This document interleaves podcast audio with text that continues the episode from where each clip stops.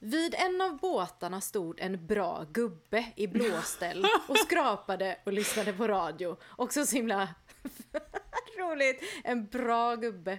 Man ser att han är en bra gubbe. Han röker.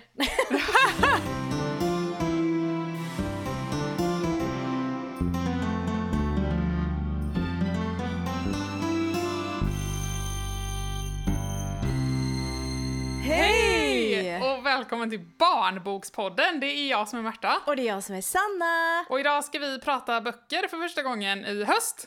Ja. och då har vi läst Hokus Pokus, den magiska kojan, tredje boken i Fabian Göranssons häxserie på Galago. Ja. Och Klara Perssons Prosit. Jag älskar att jag håller upp dem för dig, Ja, jag ser alltså så för tv-kameran här. eh, Jajamän. TV-kameran, det här livesänds ju. Ja, direkt ut i... eller hur? Men jag vet inte, det är någonting som känns rätt med att hålla upp böckerna när man nämner Ja, det är faktiskt väldigt roligt att du så här är som att du tror att vi har ett tv-program. Ja, det var... Prosit, så här ser den ut. Vi skulle ju kunna livesända. Nej, det skulle vi Ja, absolut inte kunna Då göra. hade alla hört alla de här dumma grejerna som du klipper bort sen. Det är så jävla mycket dumt. Om vi nu någon gång skulle ha så här Patreon, Mm. då är det ju att man då får se oss spela in och hur, hur tokigt det kan bli. Ja, exakt. Då får man mycket- videoversionen när vi sitter där helt osminkade och så här Åh herre, mosiga i nej, nej, nej. nej men då kommer jag sminka mig till tänderna och så blir det liksom no filter, då är det liksom svordomar och alla, alla våra hemligheter och sådär. Så ni kan ju höra av er om ni tycker att det låter bra. Men apropå hemligheter. Ja, Så har ju Ester och Ida i den nya Hokus Pokus-boken, de har ju en hemlig koja. Så, eller de ska bygga en hemlig koja har de ju bestämt sig för. Exakt. Och det nämner de ju redan i, i andra boken. Men här nu så ska de börja bygga kojan och det är så mycket med det här som är så mysigt. Ja. Den följer den här kojan väldigt alltså, nära, den här boken, men det är också så små avstick som känns lite så här mysiga och vardagsnära, typ att, så här, att de ska hämta gubbskrot och det tyckte jag också var så... Ja, det är den, den, det uppslaget vill jag att vi högläser. Ja men då gör vi det. Men jag tänker så här, kan vi bara också så här re... Vad heter det? Det börjar ju lite med en sån här, vad heter det? Vad är fan heter det? Resumé! Resumé! Att eh, Resumé. för er som inte har läst Ida innan, ni behöver absolut inte, eller har läst Ida. För er som inte har läst Hokus Pokus innan, vilket man inte måste för det är ändå typ fristående, men man får en liten resumé i början. Det är ju då Mm, att just det. Ida är ju den lilla häxan, eller så här, hon har hittat en hatt som är magisk, hon kan trolla om hon har den här hatten på sig, men hon har då på grund av eh, omständigheter lovat alla vuxna att nej, jag ska inte trolla, för att det kan liksom hända eh, ganska katastrofala grejer. Exakt, så nu, nu har hon bara hatten som fashion statement i princip. Ja, så där är vi, där, där är Ida liksom, det är huvudkaraktären. Ja, och som det brukar vara med hemligheter så är det ju inte så här kalaslätt att, att hålla den jättehemlig, så att det börjar ju med att någon, eh, två klasskamrater är så här, vart ska ni? Och de bara, det är hemligt, och sen så visar det sig att de har följt efter, och så vet de vad kojan är. Och så eh, råkar de stöta på två personer och så bara, men de lovade att inte säga någonting och det Nej, tänker jag är precis. så här, det är precis så hemligheter sprids bara, ah, alltså jag vet en grej men du får lova att inte säga och så säger den till nästa person bara, jag ska berätta en grej men du får lova att inte berätta för någon. Ja, nej men och så ska de eh, hjälpas åt då typ hela klassen till slut att bygga den här kojan och, och så slutar det då med att det blir lite magisk inblandning och så blir det en jättepiffig koja och sen så tänker de sig att nu ska de övernatta i kojan. Just det. Och då vet de att de får inte detta för sina föräldrar, så de bara mm, men vi förfalskar lappar från Greta Borg som är läraren, där hon säger att alla ska komma och övernatta hos henne. Ja. Och att hon har ordnat en övernattning för hela klassen, och så, äh, men så är vi egentligen i kojan. Ja, precis. Och det känner man ju i hela kroppen att vänta, det här blir inte så bra. Nej, och det blir ju lite kaos också. Ja, det blir kaos. Och så kan man väl säga att sensmoralen blir lite att så här, men det var lite roligare när det inte var den här stora magiska kojan utan det bara var du och jag och vår lilla duk upphängd på, på två pinnar liksom. Det behövdes inte så mycket mer. Ja, men precis. Och det hintar ju Ida ganska tidigt att hon... Alltså hon vill ju typ att alla ska vara med för hon är ju så här, hon vill ju ha vänner. Ja, Men ja, hon känner ju ganska tidigt, nej, liksom det här känns inte bra. mm, Och hon blir ju också så jävla utmattad av Mm. att eh, trolla fram den här kojan. Och alla får liksom önska varsitt rum och ja, sådär. nej, och men då... alltså den är, åh, nej men det är underbart. Alltså, ja, alltså är man blir ju helt sugen och det var ju någon som önskade sig ett bibliotek och jag, jag vill också ha ett bibliotek i en trädkoja. men, men sen så visade det sig då ju att kompisen vill ju sova i sitt utkikstorn som Ida har trollat fram åt henne och vill ju inte sova i, ihop med Ida i mysrummet liksom. Jag vet inte, men jag kände så himla mycket med Ida och så just när hon så ska krypa ner och lägga sig i det här mysrummet liksom och ska sova och jag sa nej, nej det här är inte kul längre, nu går jag härifrån. Men, eh, ja men för innan de ska börja bygga kojan ihop när det bara är Ester och Mm. eh, Ida så går de ju på typ en lotrunda. Ja, Nej men det är såhär, jag bara ja, jag vill också gå runt och typ Mhm. fråga om folk har saker eller typ gå och leta efter saker och de har med sig en skrinda. Jag bara, alltså jag vill göra det, jag vet inte Ja. vad jag ska ha grejerna till. Men jag bara, tänk vad mycket bra grejer man skulle kunna få om man bara frågar. Alltså jag, jag skulle också vilja att någon, något barn kom förbi här och bara jag ska bygga en koja, har du något skit? Exakt! Och de kallar ju det då för gubbskrot och tantskrot. Ja. Alltså har du någonting? Jag, alltså jag har massor tänker jag. Som vuxen när man läser detta så ser man ju verkligen detta med barnens förtjusning, att det är liksom att alla så här, ja men du vet små trasiga utestolar liksom, att de Ja. är verkligen, de är, är en sån guld. ocean av möjligheter Ja liksom. men det är liksom så här, en trasig stol i ett hem Mm. är en trasig stol i ett hem. Mm. men en trasig stol i en koja är ju fucking tron. Ja, ja men alltså verkligen så jag, jag, man blir väldigt kojsugen kan man väl säga. En av båtarna stod en bra gubbe i blåställ och skrapade och lyssnade på radio. Också så himla roligt. En bra gubbe. Man ser att han är en bra gubbe. Han röker.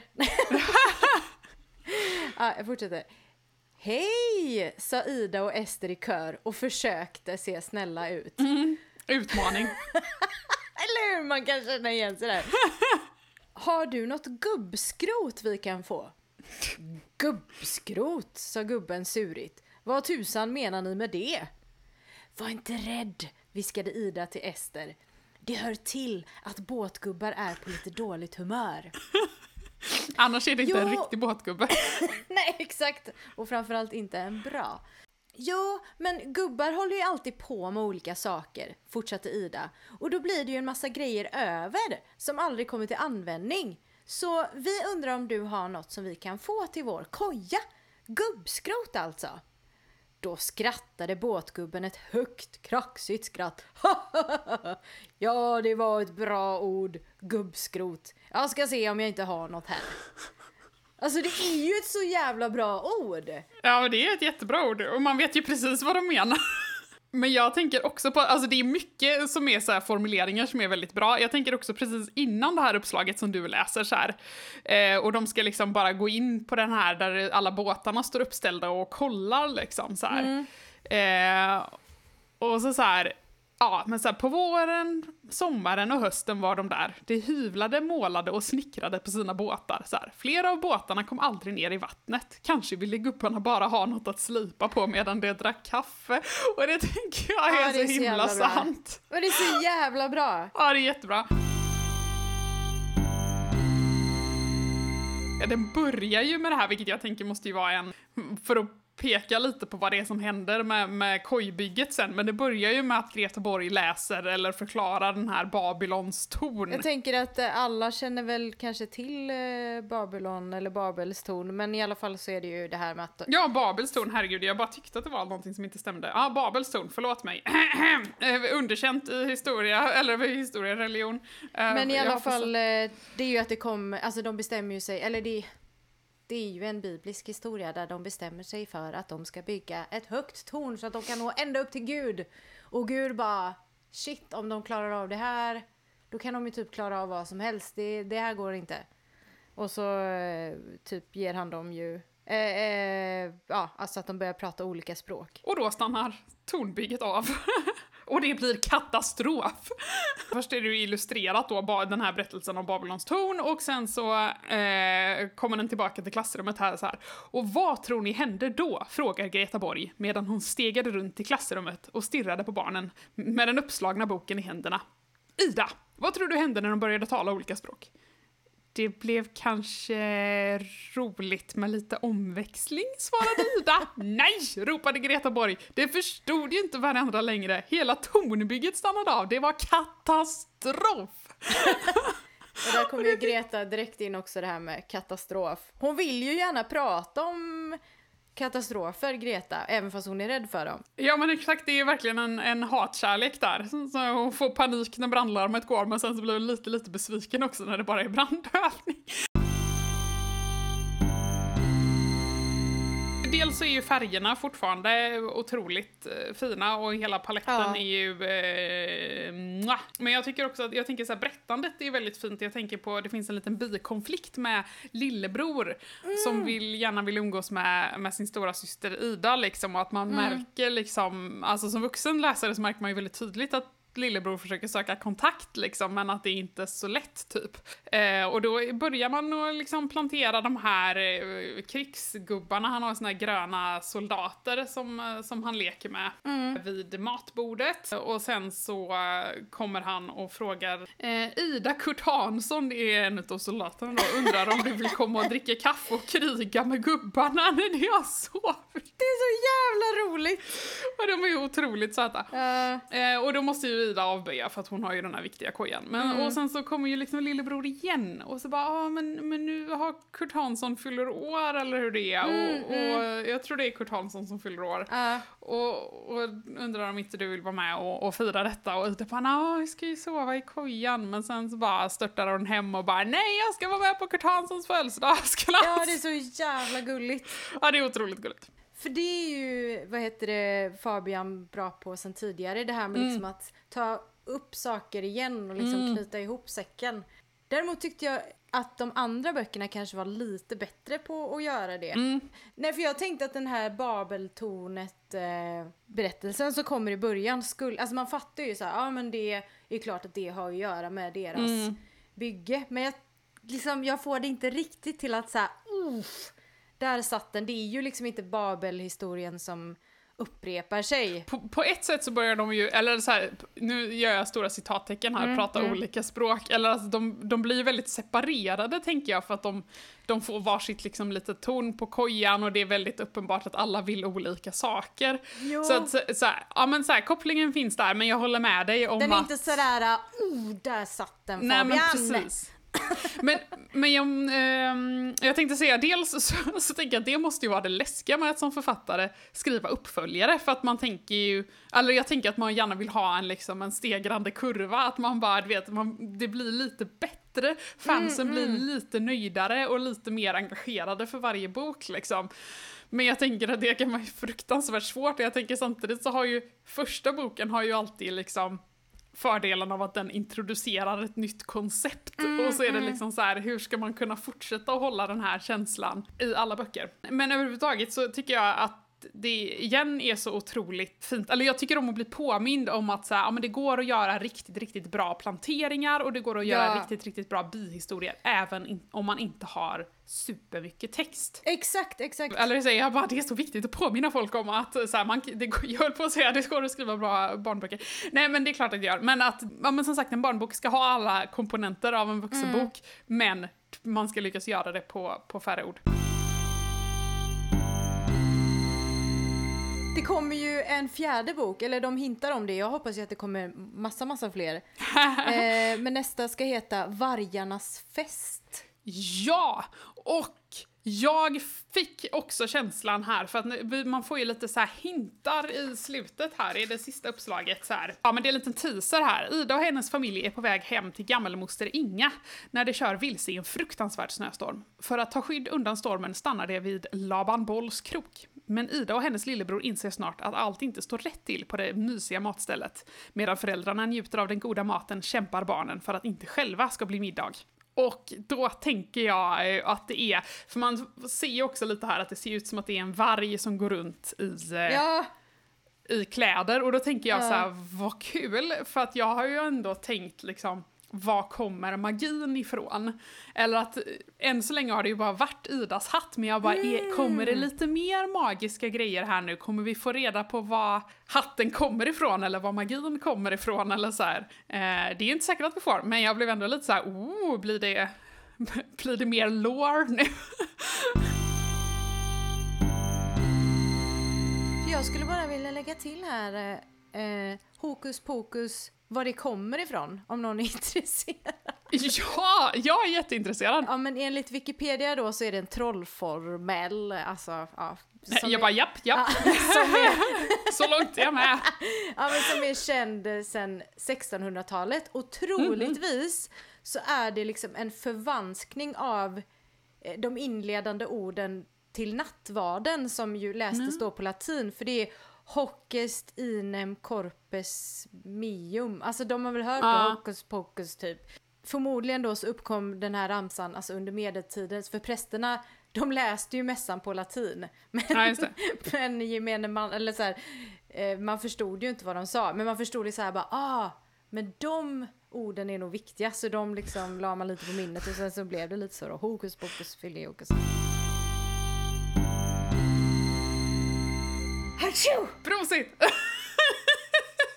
Och så heter bok nummer två i Barnbokspoddens första avsnitt för höstsäsongen. Eh, Klara Persson. Rödben och Sjögren, Ja, 2021. En bilderbok. ja eh, precis. Och en eh, jättefin bilderbok. Ja, Tydliga fina former och så blir jag så glad av eh, de här eh, ojämna färglagren kan man säga så. Så att man ser liksom det vita pappret Mm. Lyser igenom liksom eh, på sina ställen. Att det är liksom väldigt tjockt med färg på vissa ställen och man ser liksom hur penseln Mm. har gått liksom. Men jag tänker apropå, vi pratade om i något annat avsnitt att det verkligen så här. jag blir så glad när det krokar i, alltså på något sätt barns egna sätt att uttrycka sig liksom. Här är det inga hemligheter om hur man har ritat, eller, eller så här, apropå hemligheter. Ja, precis. Precis som du säger så ser man ju penseldragen och, och, och så. Ja, man kan nästan åstadkomma det hemma. Det känns ju som att det är lite eh, ihopklippt och tillsnyggat eh, sådär. Men, eh, men i princip kan man nog nästan åstadkomma eh, detta med sin lilla målarlåda. Det vet jag inte om man kan. Men man kan i alla fall rita eh, Isabella, huvudkaraktären. Jag tänkte säga nu, nu höll jag på så här stackars eh, Klara Persson, jag höll bara på och så här bara, alla kan göra det här. Säger vi till Klara Persson som varit nominerad till Alma-priset och till Augustpriset, vunnit Slangbällan och Snöbollen. Så att eh, det här kan du göra hemma. Med lite övning. Fast hon har väl gjort det hemma, tänker jag. Jo, och den här handlar ju då om en tjej. Alla tror att hon heter Prosit, men egentligen så heter hon ju Isabella. Och hon är liksom den som alltid går bakom alla andra och säger prosit när någon nyser. Så det är därför väl det har kommit till att hon heter prosit. Men det, det är ju som att hon då skulle gå runt och säga sitt namn typ. Prosit, prosit. Jag tänker som en Pokémon. Ja, ja, säger de sina? Aha! Ja, de bara Pikachu. Eh, men ja, så hon går ju bakom så här och säger prosit när någon nyser och ingen liksom direkt lägger märke till henne. Och de andra då är ju vana vid att gå först och, och, och synas och de, de är bra på det. Men en dag, vad händer då Märta? Så tappar Isabella sin lök. Jag bara, det har hänt lite här emellan kan vi väl säga. Men hon har köpt en purjolök. Och hon har väl handlat lite annat också misstänker jag. Men så blir allting så tungt och jobbigt och hemskt. Så att hon måste lägga ifrån sig sin purjolök för att väskan ska bli lite lättare. Och sen så blir allting så jobbigt. Och då sätter hon sig på en bänk och gråter. Det är också så tv-spel när man inte kan bära för mycket, man måste välja vad man ska kasta. Ja, jag får väl kasta purjolöken här då. Ja, i alla fall. Hon sätter sig ner. Eh, och då börjar folk vara så här, vänta, är det inte någonting som saknas här bakom mig som borde vara här? Och så kommer det två turister eh, som bara, är det här din purjolök? Är det här din purjo? du såg lite ledsen ut så du måste ju ha lagt ifrån dig en purjolök. Det såg som att det saknades en purjolök i ditt liv. Nej, jag vet inte riktigt vad de tar det på, de är förmodligen synska.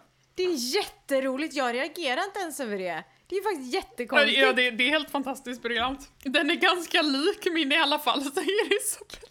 Jättekul! Alltså jag bara så här, alltså jag vet inte om jag läser det som ett barn, för ett barn skulle ju ta det här. Det är ju inget konstigt. Att man frågar om det är det din purjolök. De har ju inte sett den, tappar den eller någonting. Det är bara, ja, och så är det liksom, ja, den är ganska lik min i alla fall. No shit. jag tänker att, att purjolökar inte har så här kalasmycket särskiljande drag ändå. Och så visar det sig att de här eh, kompisarna som har kommit och hittat hennes purjo är dessutom turister och eh, skulle gärna vilja att Isabella visade dem runt lite och Isabella är men jag går så väldigt långsamt, det är, det är bättre ni går först. Och de bara, nej men det blir jättebra, vi kan Mm. också gå långsamt, då hinner vi titta på saker och är jättenöjda. Jo, nej men eh, de går runt och tittar på saker, hon visar bland annat eh, världens äldsta trottoar och eh, sen går de hem och gör purjolökssoppa. Nej men för att eh, plötsligt då så nyser ju då Isabella, jag vet inte, det kan vara av löken, av peppar, jag vet inte. Hon nyser i alla fall. Och då hör hon någonting, hon bara, men alltså va? Vad, vad är detta? Det är någon som ropar på sitt husdjur eller är det någon som eh, ropar heja heja på en fotbollsmatch eller något? Nej! Det är ju då de här turisterna som säger prosit till henne. Ja, det är jättefint. Det är nog aldrig någon som har sagt prosit till henne, det är bara hon som har sagt. Det är jättefint! Det är faktiskt jättefint för det är en sån där... äh, Det är en sån där Mm. liten grej som man säger och som faktiskt är... Som jag tänker så att då bryr sig Exakt. någon liksom om man säger prosit. Ja men exakt att det är ändå så här, någon har typ hört mig. Eh, ja nej men det är kul och plus att det är en så här, det är en, en lite konstig grej egentligen. Det här att vi har en, en alltså att man säger prosit. Jag förstår ju att det är liksom en, en, en religiös grej med, från början som mest har blivit en vana men att det är ändå så roligt att den lever kvar. Att det är klart att man måste säga prosit när någon nyser liksom. Men det som jag tycker funkar så, här, så bra, som jag inte tänker ska funka så bra med den här boken är ju att alltså, man får ju liksom ingen introduktion Nej. direkt om karaktären. Vem är hon? Vad är det ens en... Alltså hon ser ju ut som en hund i slutet. När hon, när hon nyser så flyger ju öronen åt varsitt Mm. håll. Jag bara, jag tänkte att det är en hund. Ja, men det, det är väl det. Men den har ju också händer. Ja, jo, men det är väl en antropomorfiserad hund. Alltså jag, ibland så blir man så, typ när jag skriver att jag bara måste förklara så himla mycket. Var någon kommer ifrån och vad den heter och vems mamma och pappa som är vems och var den bor och... Alltså nej, alltså det... För det går väldigt bra för barn att läsa in sånt. Alltså alla fattar att någon bor någonstans. Nu åkte de i och för sig hem till henne då, men och alla fattar... Alltså det är ju så mycket som är underförstått med en karaktär att ja men man behöver inte säga så mycket, man kan gå direkt till berättelsen. Jo men och jag tänker också apropå det här eh, prosit och gå bakom och så här att, att det är också väldigt, ett väldigt tydligt sätt att säga att det här är någon som är, som är den här som är i bakgrunden liksom. Alltså s- på något Men som sätt. ändå är snäll. Exakt den här, vad ska man säga, Ja. backup-karaktär, eller som är där och typ så här, Eller hur? gärna är med och stöttar andra människor men inte får så mycket uppmärksamhet själv liksom.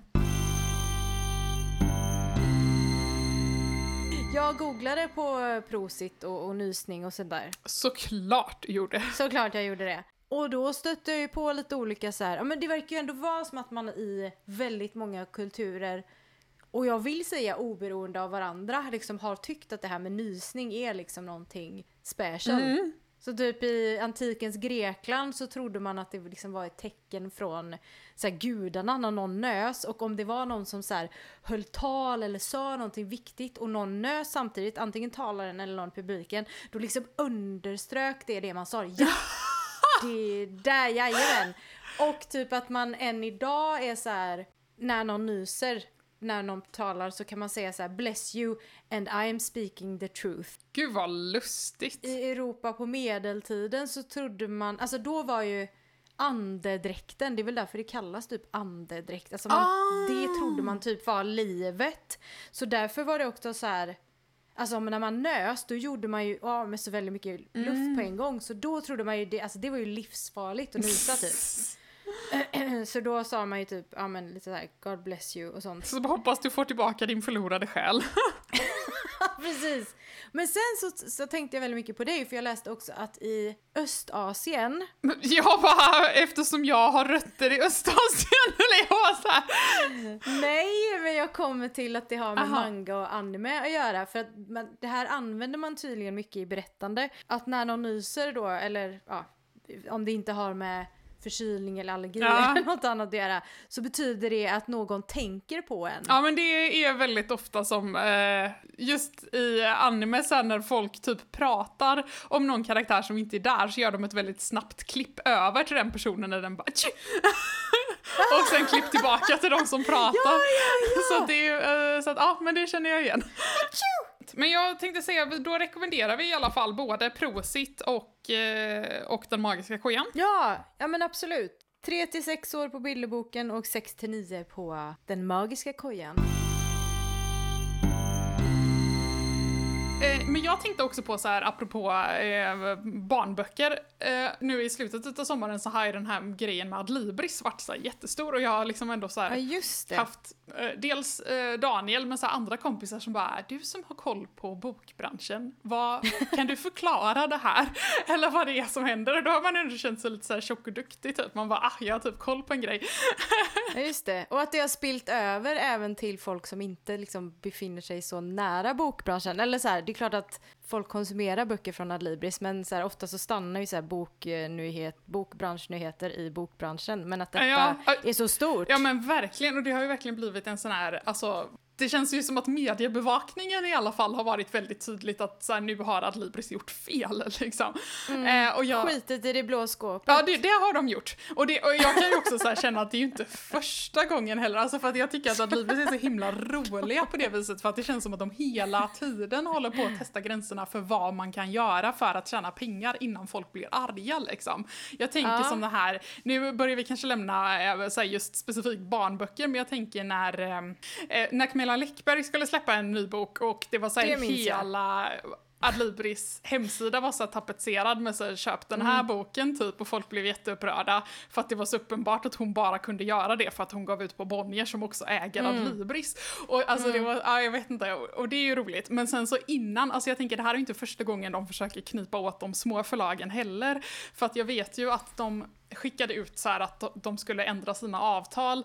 Eh, jag, nu har jag inte exakt koll på vad det var de skulle ändra, eh, utan jag har bara koll på reaktionerna. Liksom. Men det, det var ju så att de skulle få, om de skulle kräva större rabatter av förlagen eller så här, och det var också så Aha. formulerat som att så här, "Ah, ja, för att få ihop våran ekonomi så behöver ni nu, eller så kommer vi ändra våra avtal så att nu kan vi kräva du vet, x procent rabatt. För att innan så har det ju alltid varit, de får alltid 20 procent tror jag på F-pris om de köper typ fem böcker eller någonting. Men nu var det så här, men vi ska alltid ha 20 procent oavsett om vi bara köper enstaka böcker liksom. Okej, Eller så- okej, jag, ja. nu som sagt, jag kommer inte ihåg exakt, men jag vet att de Ja. skulle ändra sina avtal så att Ja. de fick mer, alltså eh, rabatt eller större ekonomisk fördel. Eh, bara det att det Fan här... så jävligt också för att de vet att de kan ställa de kraven för att de, man måste finnas på Adlibris annars finns du inte. Exakt, ja men alltså, nej men precis, det, det är tjuvigt. Men alltså, och eh, sen så var ju grejen då att de hade ju skickat ut det Mm. här mejlet, men de hade ju glömt att skriva dold kopia, så att det gick ju ut till alla såg ju vilka som hade fått det här mejlet. Ja, nej, nej! Ja, eller hur? Jag kan ju tänka Åh, den här stackars vad människan bra. på Adlibris som skulle sitta och skicka ut det här mejlet som förmodligen heller Oh inte hade varit God. involverad i beslutsprocessen kring detta. Och bara Ja. skit. Eh, Men i alla fall, och det visade sig att det var bara de små förlagen som hade fått det här uppdaterade avtalet. Och, eh, men det blev ju ganska snabbt då eftersom, som sagt, alla såg ju vilka som hade fått det, så kunde de här små förlagen börja organisera sig i den här Mm. Just mejltråden redan. Och det, ja, det blev ju väldigt dålig stämning väldigt snabbt, jag tror att de fick backa på det liksom, för att det bara blev så, så här, bara skit, nu har, vi, nu har vi gjort bort oss. Men vad är det som har hänt denna gången? Kan inte du förklara det Ja, lite precis, jag tänkte säga Du som är så tjock och duktig. Exakt. Nej men precis, nej, men så om, man inte, om man mot all förmodan inte har eh, läst några kulturnyheter eh, den här sommaren så är det alltså då att Adlibris har uppdaterat sina avtal så att de, man behöver ha en extern distributör. Och vad det betyder då, jag tror att det finns typ två. Den största är förlagssystem tror jag, sen så tror jag det finns något som heter typ stjärndistribution kanske. Eh, som också är Ja, att så här, förlagen behöver ha eh, en, en extern distributör. Precis, så då köper man alltså lager eh, hos Ja, de här det, distributörerna. Och, och Ah, då blir ah. man så här, mm, eller typ varför är det en grej? Och så bara, jo det är en grej därför att det finns många små förlag som består av en person eh, Mm. som har sina böcker hemma i garaget. Mm, eller alternativt om de har lite fler böcker kanske så har de, eh, ja men de, de har hyrt, eller en väldigt liten lägenhet, jag vet inte, men så har man hyrt lager någonstans men att det är ändå billigare för på typ eh, någon av de här externa bokdistributörerna så betalar du ju också för att du vet någon går och plockar ihop böckerna och fixar när då till exempel Adlibris beställer. Så då betalar man ju för det och det är ju, alltså det är ju pengar liksom.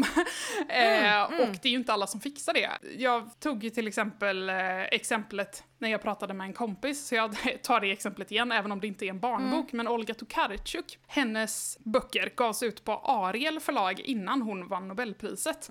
Eh, och Ariel förlag vet ju jag är ett litet förlag, jag har ingen koll på om de har eh, använder sig av någon extern distributör i dagsläget eller inte. Men det hade varit sjukt logiskt om de inte hade det.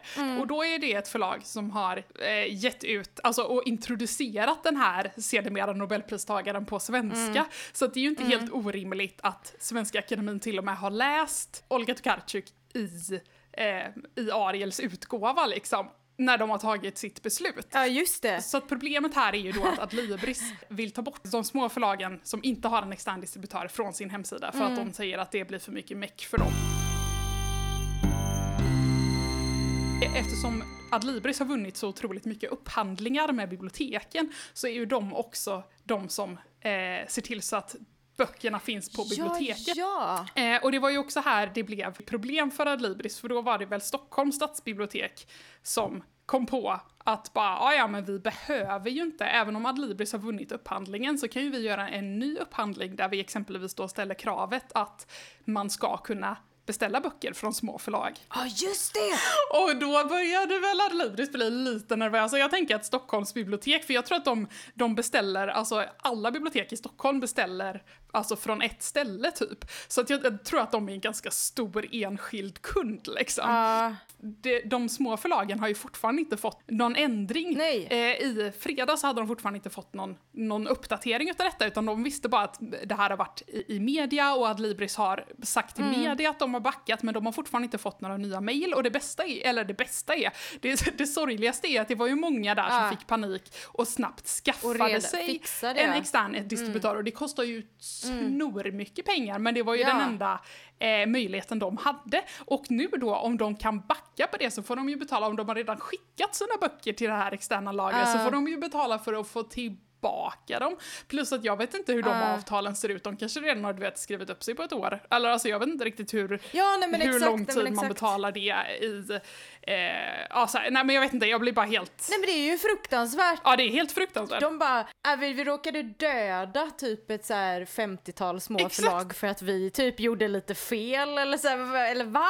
Exakt! Eh, jag vet att SVT hade ju en intervju med Fred Taikon som driver eh, Mm. En roman i Glinda, eh, som jag säkert inte alls uttalar rätt. Men, men det var ju också, så jag var tvungen att gå in på deras hemsida, det var typ det mest hjärtskärande jag har läst. Alltså i mitt liv, Nej! alltså inte i deras hemsida, den var jättegullig, men alltså det bara skär ju i hela...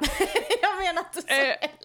Det bara, det var det, alltså snälla anlita mig som grafiker. Nej jag fattar att du inte Ja, menar så. ja, ja, alltså så sätt, det var kanske inte den snyggaste hemsidan jag har sett, nej. men jag förstår ju det om man är du vet, en person som förmodligen har ett annat jobb också för att Eh. liksom, stötta förlagsverksamheten. Liksom. För det är ju så många små förlag fungerar, man får ju ha, alltså det är ju en förläggare som har ett, ett vanligt jobb och sen också driver ett förlag. Eh, inte sällan så, så su- supportar det vanliga jobbet förlagsverksamheten. Vi är väl medvetna om att minoritetslitteratur inte är storsäljare, särskilt inte om det är skrivna på något av eh, minoritetsspråken. Detta gäller såklart även romsk litteratur. Därför läggs samtliga inkomster av bokförsäljningen in i en fond som används för att skapa ny romsk litteratur. Det, är så här, det är ett in, icke vinstdrivande förlag typ. Och, och, du vet, och så bara känner man så här hur de gör en jätteviktig insats för Ja, att försöka så här, lyfta upp romsk litteratur på, Mm. på originalspråk i svenska, och, eller i svenska, i i Sverige. Mm. Och, och att det är liksom så här, bara "Åh, vi har varit tvungna att lägga typ hur mycket pengar som helst på en extern distributör och nu kanske vi inte ens behöver den och jag bara oh, oh, oh, oh. Apropå att köpa böcker på nätet, ska ni göra det?